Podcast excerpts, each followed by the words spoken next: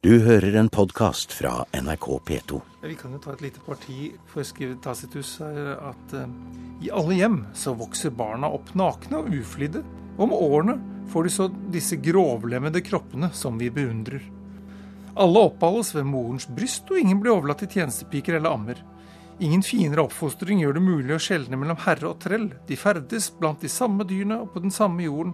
Helt til alderen skiller ut de fribårne, og de blir opptatt blant de tapre krigerne. De tapre krigerne er stammene nord for Romerriket. Germanere kalte de romerske historieskriverne disse folkeslagene. Det omfattet også Skandinavia og våre kalde kyster. Men da var man kommet så langt bort fra verdens sentrum, sier Jon Ideng, at romernes kunnskap om de som bodde her, var preget av gjetninger, uvitenhet og mystikk. Ja, her kan vi høre litt om kimbrerne, da, som er, de, som er eh, på en måte det nærmeste vi kommer en beskrivelse av det som må sies å være noen fortidige dansker. Eh, på det førnevnte fremspring av Germania, det kan vi tenke oss da må være Jylland. ja. Og nærmest oseanet, der bor kimbrerne, som nå bare danner et ubetydelig samfunn, men nyter en overordentlig stor ære og anseelse. Vi har ennå bevart vitnesbyrd om deres tidligere storhet, som f.eks. de rommelige leirplassene på begge sider av Rhinen, hvis omkrets den dag i dag gir oss et inntrykk av Kimberstammens tallrikhet og tiltakslyst, og som bekrefter beretningen om den store utvandring. Det er den romerske historikeren Gaius Cornelius Tacitus som har laget denne beskrivelsen av germanerne. Tacitus døde i året 117 etter Kristus, og kunnskapen han formidler, er det mest omfattende og konkrete man til da visste om folkeslagene mot nord, sier Jon Ideng. Han er ekspert på antikkens historie og romersk litteratur ved Institutt for arkeologi, konservering og historie ved Universitetet i Oslo. Og grunnen til at vi har bedt Ideng forklare litt om hva romerne visste om folkeslagene helt mot nord, er at vi i flere museumsprogrammer har fortalt om skandinavenes møte med Romerriket. Ikke bare den store hæren på mer enn 1000 mann som kom fra Skandinavia og angrep Jylland omkring år 200 etter Kristus. Men også den enorme hallen på 60 meter som nylig ble funnet ved Missingen i Østfold, og som nettopp er datert til samme århundre i jernalderen. Vi har også hørt om hvordan de mange ringformede tunanleggene som arkeologene tidligere hadde problemer med å forklare, nå settes mer og mer i sammenheng med en militær og samfunnsmessig organisering i jernalderen som var mye mer avansert enn det man tidligere har trodd. Kontakten med Romerriket var stor. Ikke bare handel, men stor kontakt på områder som politikk, diplomati og ikke minst krig. For, sier Jon Ideng, faren fra nord lå hele tiden over romerne som en mare. Ja, å ja. Det er helt klart. De store faren er fra nord først, da med, med kelterne, som du kjente med, som hadde jo til og med beleiret byen og, og nesten utsletta dem en, en, periode, som antageligvis da var, var noen leietropper som egentlig bare var på vei nedover i Italia. Det er jo tilbake i republikkens tidlige tid, hvor de da til slutt kommer seg helt ned til um, antageligvis var på vei ned til Sicilia, for de skulle gjøre sånn tjeneste der nede som leiesoldater. Eh, så eh, kelterne, eller som gallerne, som romerne kalte dem, det, det var den første faren. Men, men når, når, de først ble kjent med germanerne, som da er fra, fra rundt 100, eh, da, hvor Roma jo da var et stort område, et, hadde ekspandert og hadde kontroll med hele Italia, og, og, og da i hvert fall ved Porsletta og måtte da opp og, og, møte dem der. og Da var det den store generalen Marius da, som fikk i oppdrag, og, og som da slo dem etter hvert med to slag, men det siste da i Aix-en-Provence eh, i 102. Og det var den første gangen de virkelig støtte på germanske stammer, som de da kalte dem. Her skal vi se litt på hvordan romerne ellers også kunne finne på å beskrive sin historie. Her skal vi se, nå tar vi fram her en et bilde her av Marcus Aurelius, eh, en av hans søyler. Og da er vi 180 etter Kristus. Og her ser vi bilde av en sånn typisk romersk søyle, som mange sikkert av de som har vært på tur i Roma, har sett. For det er ikke bare søyler, men det er jo et voldsomt detaljert relieff på søylen. Akkurat som en lang, lang eh, tegneserie i relieff. Og her, slik fortalte de også om Germania. Ja, og det er jo, når du sier at det er typisk, så er det, så er det nok ikke helt typisk. Dette er, dette er, en veldig spesiell form. Den første man kjenner, er kommer keiser Trajan og hans dakertog, som jo også var oppfattet som, som noe, noe, av Germania. Så han fikk en sånn flott eh, søyle. Den står jo fremdeles igjen i Roma. Og så var det en til, Antininius Pius, som hadde fått en sånn søyle som ikke er bevart bare basen, og så er det Marcus Aurelius som da har denne. Så det er tre sånne søyler. Ja. Eh, men en fantastisk, eh, fantastisk eh, måte. Det er formet nesten som en gigantisk boksøyle, hvis man ser med topp og bånd. Og så altså en, en, en, billedbeskrivelse rullet ut rundt og rundt og, som en spiral opp gjennom denne søylen. Hvor alt fra felttogets begynnelse, logistikk, hester og rekruttering av soldater til de altså drar eh, oppover elver med båter, til man eh, møter germanere i strid, til man eh, Hvem vinner, hvordan legger man det opp? Og ja, en fantastisk Og, og triumfferden hjem igjen etterpå. Så, eh, så, romerne eh, sørger stort sett alltid for å fremstille fienden også som, som en, en, skikkelig fiende. Men dette var det jo, det visste jo alle, at germanerne eh, var Dette var dette markomannerne, som da særlig Marcus Aurelius slåss mot, som var en langvarig kriger. Han var jo kjent som filosofkeiseren. Han hadde ikke noe ønske om å, om å oppholde seg i disse kalde traktene og drive krig. Han ville jo langt heller sørge for for fred og, og fordragelighet i, i riket. Så det var en alvorlig og tung trussel. Eh, så du kan si at hele tiden så var det sånn at nord for det mektige Romerriket, der var det stammer, eh, der var det bevegelse i politiske eh, koalisjoner mellom disse stammene som kunne utgjøre en større eller mindre trussel mot Romerriket, som derfor valgte å holde seg litt unna, kan man si. Man trakk sine grenser litt syd for dette området.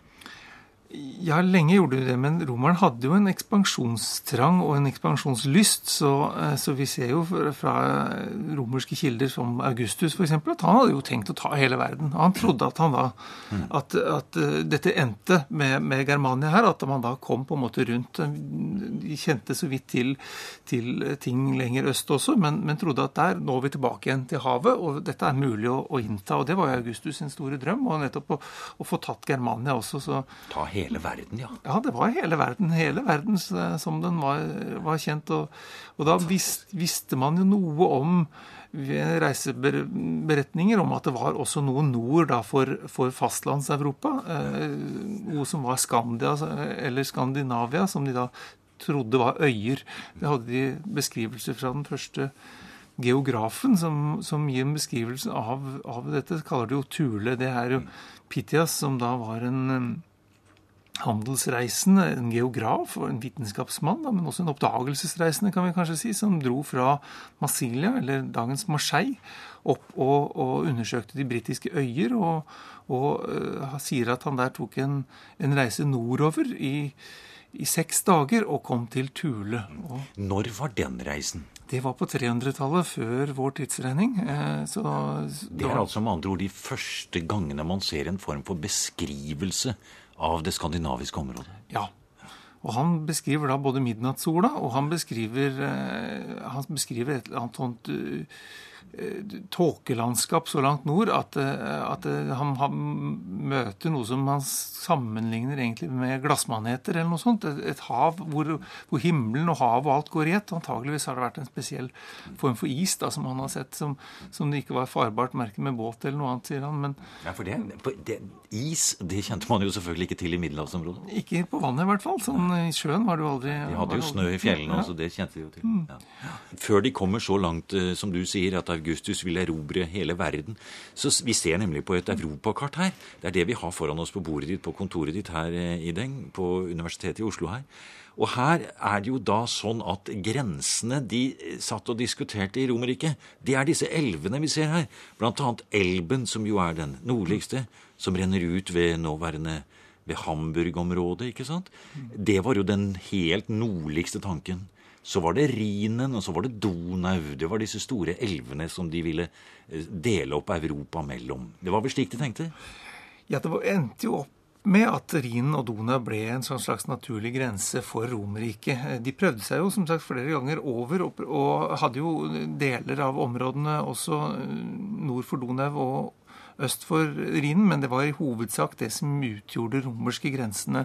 Og, og germanerne var da eh, på mange måter også den den fienden de aldri overvant. Fordi delvis, da, som, som uh, antikke kilder sier også, at de var, der var det ikke noe sivilisasjon på, på, forhånd. Så der var det liksom ikke mulig å sivilisere. Det var ikke mulig å ta det inn. Det var skog, myrer og et folkeferd som, som, på en måte ikke ville De kunne ikke innrette seg. Det var ikke byer, det var ikke noe romerne kjente.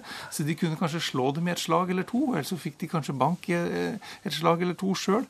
Men det var ikke mulig å, å gjøre dette til, til en ordentlig Eh, romersk eh, land. Det var ingen permanente strukturer som de kunne overta. eller som, altså de, Samme om de slo de i noe slag, så, så kom de bare tilbake igjen. Ja, ja. Og de som stadig kommer tilbake for å herje med Romerrikets nordgrenser, var folkeslag som heruler, teutonere og kimbrere, for å nevne noen. Fellesbetegnelsen germanere kom ikke fra dem selv, men stammer fra tiden før Kristi fødsel, da romerne første gang fikk militær kontakt med de ville stammene fra nord. Allerede ca. 100 før Kristus slo tautonere og kimrere seg sammen og møtte romerne i slag både i Nord-Italia og i Gallia, før de ble slått i Aix-en-Provence i året 102 før Kristus.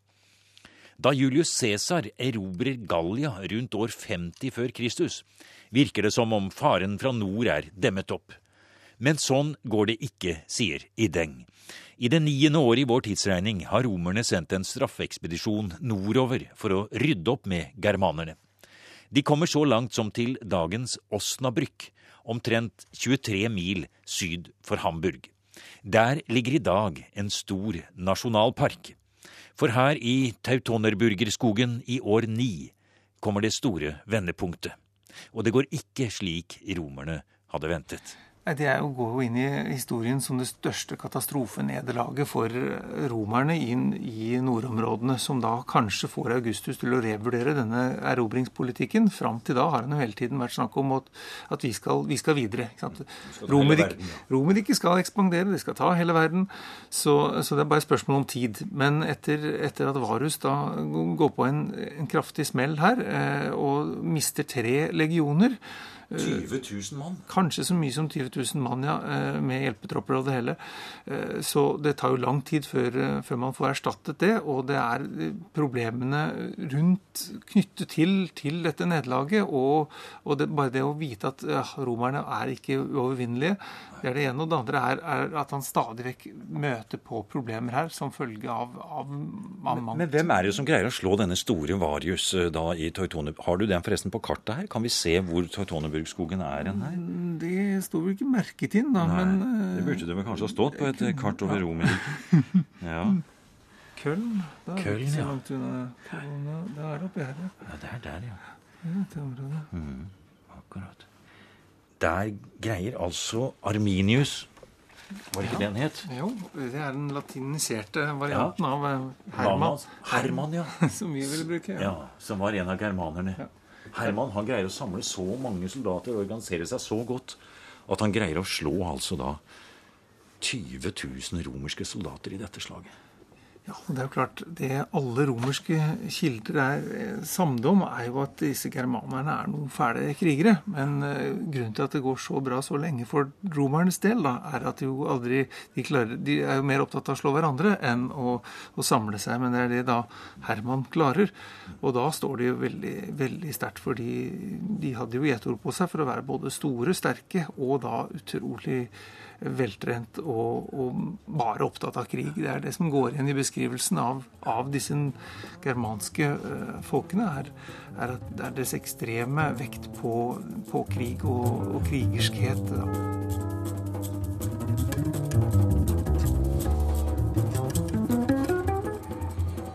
Her ser vi et av skjoldene som er funnet som hæren fra nord hadde med seg når de skulle angripe Jyllands Ved Mosgård museum utenfor Århus er det en fantastisk permanent utstilling over Illerup-funnet. Med tusenvis av våpendeler fra hæren som kom fra Norge og ble beseiret i Jylland omkring 200 etter Kristus. Et besøk der er absolutt verdt turen. Og da Arkeologisk museum i Stavanger viste deler av dette funnet, fortalte arkeolog Trond Løken om hvor høyt organisert hæren var, og hvor avansert krigsutstyr man hadde i Skandinavia 500 år før vikingtiden. Eh, for da ser man at den har bestått av eh, en viss antall, få antall hærledere eh, som har sitt spesielle utstyr. Offiserer i et nivå under den med et annet type utstyr, som har vært en god del flere. Og så den menige soldat eh, med enkelt eh, utstyr av jern som de aller fleste. Nå tror jeg nok kanskje Når det gjelder dette med de romerske våpnene, så er nok mesteparten av det kommet fordi det har vært en god del germanere ned til de romerske grensene, enten kjempet mot eller med romerne, og skaffet seg romersk våpenutstyr der nede, som de har tatt med seg hjem og tatt i bruk eh, her. Og det var helt vanlig på denne tiden? Det kan nok ha vært fordi vi har jo ganske mange funn av sånne romerske eh, sverd. F.eks. i Ildrup-funnet så er det eh, mange titalls sånne romerske sverdklinger. Og i norske gravfunn fra samme tid så har vi også eh, flere titalls eh, slike eh, våpen. Eh, enten med romerske fabrikkstempler eller med innlegging av, i, i, i messing av romerske guder som Victoria, altså seiersgudinnen, eller Mars, eh, krigsguden. Ja, du har fortalt meg at det i norske gravfunn, helt uavhengig av Ildrup-funnet her, funnet på forskjellige steder i Norge, kan være så mye som helt opp til kanskje 40 sånne sverd som er bevart fra denne perioden. Og det er jo et veldig høyt antall. Det er det. Eh, for det er jo bare en liten del av det som har vært i omløp på den tiden som vi finner igjen i gravene i nåtid. Så det forteller om, om et samfunn som har vært eh, ganske mye bevæpnet, hvor krig og vold da, har vært en, en, sentral del av det daglige livet, egentlig. Vi kan si veldig mye om de som kom, hvordan de så ut, hvordan de var utrustet. Men det vi ikke kan si noen ting om, det er hvorfor de kom. Nei, det er jo selvfølgelig vanskelig. Eh, vi vet jo at på den tiden så begynner jo de germanske stammene å bevege på seg. Altså det presses på det romerske grensen. Eh, Markomannerne prøver å gå inn i Donau-området, over grensen, forskjellige steder. Så antageligvis så er det nok noe i tiden Kanskje blir eh, har germanske stammer vokst så mye at det er behov for å flytte ut. At det er eh, for mange mennesker rett og slett, som gjør at man får behov for å reise ut. Det kan også være at man ser at det romerske riket er så rikt. Man får en dragning mot rikere områder. Vil flytte inn for å ta del i det romerske rikets eh, Eh, velstand og organiserte liv og sånn. Det kan være en mulighet. Og man kan jo lure på om, eh, om de har dratt Altså det er jo et par andre muligheter når man tenker på hærferd til Danmark, da. Og det ene er at man rett og slett ønsker å dra på hærferd for å plyndre, plyndre mm. Eh, et rikere område. Det gjorde jo vikingene, f.eks. Det gjorde det. Man kan ikke se bort ifra at, man, at det var en grunn. Altså, hvis en skal se ut ifra hva som fins i graver i Norge og Danmark, så er det jo klart det er mye mer rike gravfunn fra den tiden i Danmark enn det er i Norge. Sånn at eh, det kan vært godt vært en Et, frist, et fristende sted å dra på rovferd, ja. For, ja. Mm. Alternativet er det med at man har hatt behov for bedre jordbruksjord og ville overta områder. Og enten det nå var for å plyndre eller for å eh, bosette seg, bosette seg eller ja. eventuelt for den saks skyld at hæren egentlig hadde tenkt seg ned til, videre, ja. til Romerriket. De skulle kanskje videre ned I, og ned i kampene der. Det kan jo godt tenkes.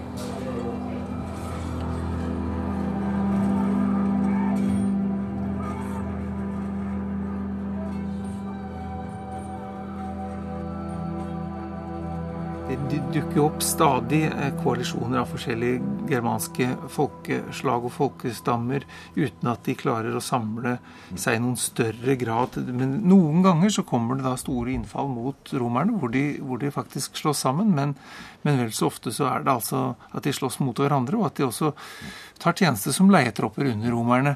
Men det er, det er fremfor alt et, et, vedvarende press mot den romerske grensen eh, i løpet av, av keisertiden, da, særlig, som gjør at dette eh, Kanskje som følge av at det kommer goter og andre lenger østfra og presser eh, disse vest, mer vestlige germanerne eh, lenger sør og, og vestover. Eh, men, de, men, som sagt, dette, dette med at det er de er opptatt av krig og bytte, og at det er et, noe som romerne er, er betenkt på og, og, må verne seg mot, og etter hvert da bygger slags sånn grense eh, Limes, som de kalles. Disse, disse Grensegater, rett og slett. Ja, det er, det er egentlig det. En, en, vei mellom grenseposter. Um, men for dem så, var altså, så besto Germania av, av, skog og myrer, og det var vanskelig Det var ikke noe det, var, det, var ikke, det ga til slutt opp det å, å skulle innta det, men, men ville da ha, ha denne grensen mot, mot, det barbariske nord, og, og, handle med dem var greit. Og så da legge seg i med, med en sånn forsvar langs denne linja. Men det var en lang grenselinje, og det var lett å bryte. Så Derfor så får man også stadig vekk sånne germanske raid inn i, i Romerriket, som man da må, må liksom hive seg rundt og, og demme opp for og, og slå tilbake. Mm. Og, og, etter hvert så, så, som det da romerne også får større og større problemer eh, østover med nettopp parterne, så blir det et problem å holde og tofrontskrig. Det, det sliter de med. Men det romerne gjør nå, det er at de deler opp denne delen av eh, Nord-Europa i en nordre og søndre del. Ja, det, det, de holder seg da stort sett ved grensen, som jeg har sagt, med, ved Rhinen og Donau. Som eh, det som er vest og sør for dette, er Romerriket. Mm. Det som er eh, nord og øst, det er, det er Germania, eller, eller mm. tilhører barbarerne, da. Ja, for det er jo en stor ære å kunne bli en provins eller en koloni eventuelt også under Romerriket på en måte. Da får man handelsprivilegier, og man får innplassert Eh, en overklasse der osv. Og, så og nettopp en koloni, en kolonia, Köln, er jo derfor det heter Köln den dag i dag. Der setter man inn en, eh, et veldig sterkt administrativt senter. Ja, romerne anla jo sånne kolonier. og Det var da enkeltstående byer som hadde som du sier, litt sånn privilegerte eh, handelsprivilegier og kunne ha skattefritak og diverse. Så det var litt gjevt å være en koloni, motsetning til en alminnelig munisipium. Mm. Eh, og det administrative senteret kommer etter hvert eh, nordover, og, og etter hvert som romerne også da eh, inntar Britannia, så får de en sånn tilsvarende limesgrense der oppe i nord. Hadrians mur, ja. ja, den, ja. Og senere også en til, faktisk. Ja, ja. Litt lenger nord, men de, men, de, men de, slet med disse murene der også. Mm. Men, men, det var altså en måte å skille barbarerne fra de som lot seg da eh, romanisere. Det er jo det som man snakker om romaniseringsprosess av dette. De som da begynte å drikke vin og gå i toga og, og tale latin. For, for, det er jo nemlig den utilsiktede effekten av disse koloniserte stedene, disse byene, disse romerske sentrene, er jo uh, at eh, det viser frem hvordan organisering og hvordan en slags form for romersk sivilisasjon kan også gi, gi en styrke til de som følger det prinsippet. Og det er vel nettopp det man ser oppover i Nord-Germania osv. Og, så videre, og andre steder. At man lærer faktisk av romerne hvordan de organiserer sine hærer, sine kommandostrukturer, sine samfunnsmessige systemer, innsamling av skattemidler osv. Så, videre. så det gjør faktisk germanerne sterkere nordover. Ja, det er, det er, mye i det. Altså, de må jo forholde seg til en fiende som da er så stor og sterk at Og, og noe, mange har sikkert også vært som leiesoldater og dratt tilbake igjen. Og, og kan liksom, eller handelsmenn. De har lært av romerne både organisering som du sier, og militær organisering, men også sivil uh, organisering. Og de begynner jo etter hvert å ta etter også, eh, delvis eh, kanskje at de har lært av romerne, men delvis også eh, som en oppfordring, at det er lettere å forholde seg til. Så, så ser vi en framvekst av litt sterkere og større kongedømmer, altså, eller, eller, konger som da, som da, For sånn har ikke germanerne tilsynelatende organisert i, i, sånne store kongedømmer. Det var et mer egalitært stammefellesskap, eller folkefellesskap, om man vil, før, før dette. Men romerne, med romerne så etablerer de da noe sterkere og større, eller forsøksvis noe sterkere og større eh, kongedømmer. Mm. Og vi må vel tro det, Ideng, og det er jo en av grunnene til at vi sitter her og er så fascinert over europakartet for 2000 år siden. Det er jo at også de som bor i det skandinaviske området, blir jo selvfølgelig preget av dette. For vi vet jo helt sikkert fra arkeologiske funn og mange andre ting at det, kontakten er stor her. Ja. Så, så, dette vil også forplante seg oppover i, gjennom Jylland, gjennom Skåneområdet, innover i Oslofjordområdet og videre langs kysten av eh, Norge også. Ja. Og dette er jo det, det si litt nye i, i denne forskningen, er at, er at, man nå åpner for at den kontakten har vært mye større enn man før har trodd. At det har vært flere folk som har vært, eh, beveget seg i, i disse områdene. Og ikke minst da kunnet delta i hærtog og, og, vært nedover i Europa. Eh, så, så, det er, er, jo, er jo spennende. Du har nå hørt programmet Museum som podkast fra NRK. Museum sendes i NRK P2 på lørdager og søndager. Du finner flere programmer på nrk.no podkast.